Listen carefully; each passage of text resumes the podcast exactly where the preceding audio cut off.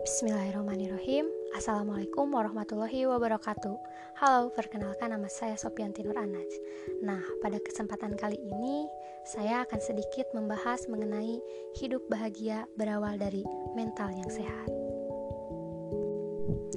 Berbicara mengenai kesehatan mental Atau bisa juga dibilang dengan mental health. Apa sih kesehatan mental itu? Definisi yang diajukan oleh para ahli diwarnai oleh keahliannya masing-masing. Nah, menurut World Health Organization, dalam Winkel pada tahun 1991 disebutkan bahwa sehat adalah suatu keadaan berupa kesejahteraan fisik, mental, dan sosial secara penuh dan bukan semata-mata berupa absensinya penyakit atau keadaan lemah tertentu. Nah, tentu saja definisi ini memberikan gambaran yang sangat luas dalam keadaan sehat, mencakup berbagai aspek sehingga diharapkan dapat mewujudkan kesejahteraan hidup, dapat memanfaatkan segala potensi dan bakat yang ada semaksimal mungkin dan membawa kepada kebahagiaan bersama serta mencapai keharmonisan jiwa dalam hidup.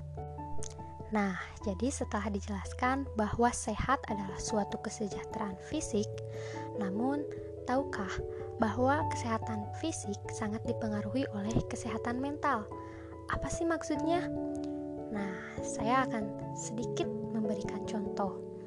Misalnya, ketika teman-teman merasakan keluhan sakit, sehingga teman-teman pergi nih ke dokter untuk diperiksa, tetapi tidak ada penyakit fisik apa pun, tapi teman-teman tetap saja merasakan keluhan secara fisik itu hadir.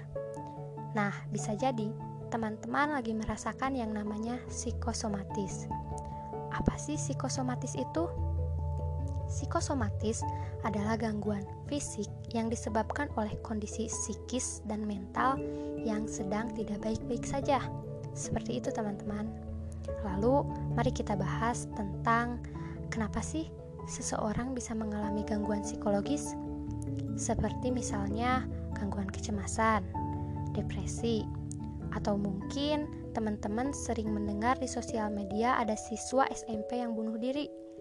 Nah, kenapa sih semua itu bisa terjadi? Lalu, apa sih yang harus dilakukan oleh seorang pelajar psikologi yang tahu tentang kesehatan mental ini. Nah, teman-teman, yang pertama di sini hindari dulu tindakan untuk mendiagnosa kondisi pada diri sendiri. Seperti contoh, kayaknya aku depresi deh. Tanpa teman-teman diperiksa atau dites terlebih dahulu kepada ahlinya, yaitu kepada psikolog atau teman-teman hanya mengikuti tes-tes online seperti di Instagram, sehingga teman-teman semakin percaya bahwa teman-teman itu depresi.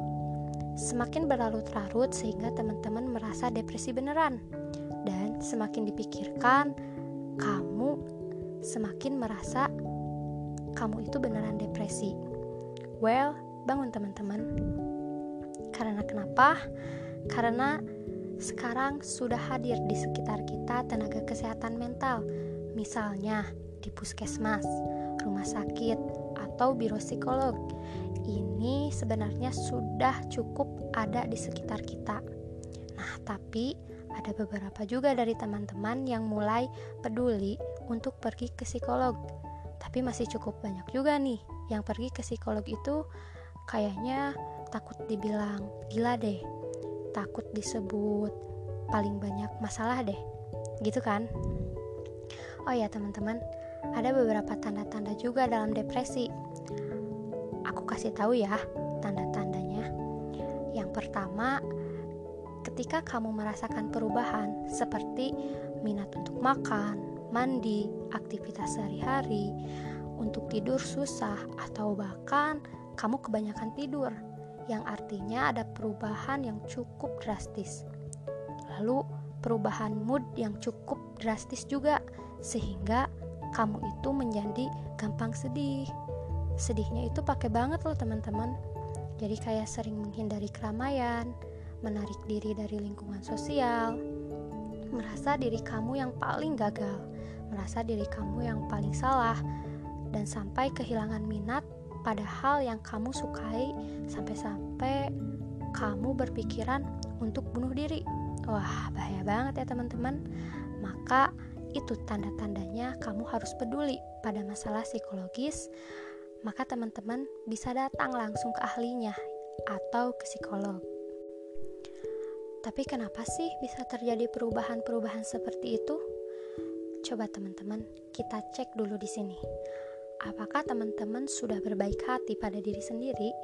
Sudahkah teman-teman berterima kasih pada diri sendiri atas apa yang sudah teman-teman capai selama teman-teman menjalani hidup ini?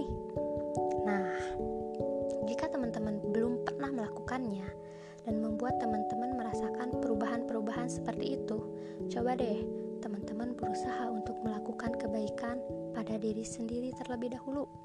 Seperti apa berbuat baik kepada diri sendiri itu? Yang pertama, kamu biarkan diri kamu menjadi tidak sempurna. Itu sudah merupakan upaya berbaik hati pada diri sendiri loh teman-teman. Karena gini teman-teman, gak ada gunanya ketika hari ini kamu meratapi kegagalan di masa lalu. Dan sangat tidak ada gunanya ketika kamu tidak memaafkan kesalahan diri kamu, kesalahan orang lain yang sebenarnya sudah tidak ada dampak untuk hidup kamu pada hari ini dan seterusnya. Belajarlah untuk memaafkan, karena dengan memaafkan kita bisa semakin tumbuh dan membuat hidup kita merasakan kebahagiaan. Oh ya teman-teman, hindari juga nih berkata seperti ini. Aduh, saya kan, aduh, saya kan yang nantinya akan menimbulkan kata-kata seperti ini. Saya kan cuma, saya kan cuma mana mungkin. Nah, kata-kata seperti itu mari kita ganti dengan kalimat misalnya justru karena saya tidak bisa, saya akan terus belajar sampai saya bisa. Dan yang terakhir nih teman-teman, jangan lupa bilang terima kasih pada diri kamu sendiri. Teman-teman kan sering nih kalau sama kalau lagi kumpul bareng teman-teman bilang terima kasih pada orang-orang di sekitar. Nah, bilang terima kasih juga pada diri sendiri dan beri apresiasi pada diri sendiri. Seperti makasih ya kamu udah nemenin hari-hari aku dan berjuang bersama. Nah itu juga merupakan upaya bahagia dengan mental yang sehat juga teman-teman. Karena menurut Maslow manusia sehat adalah manusia yang mampu mengaktualisasikan dirinya dan mencapai kebahagiaan. Terima kasih, semoga bermanfaat ya teman-teman. Semangat! Wassalamualaikum warahmatullahi wabarakatuh.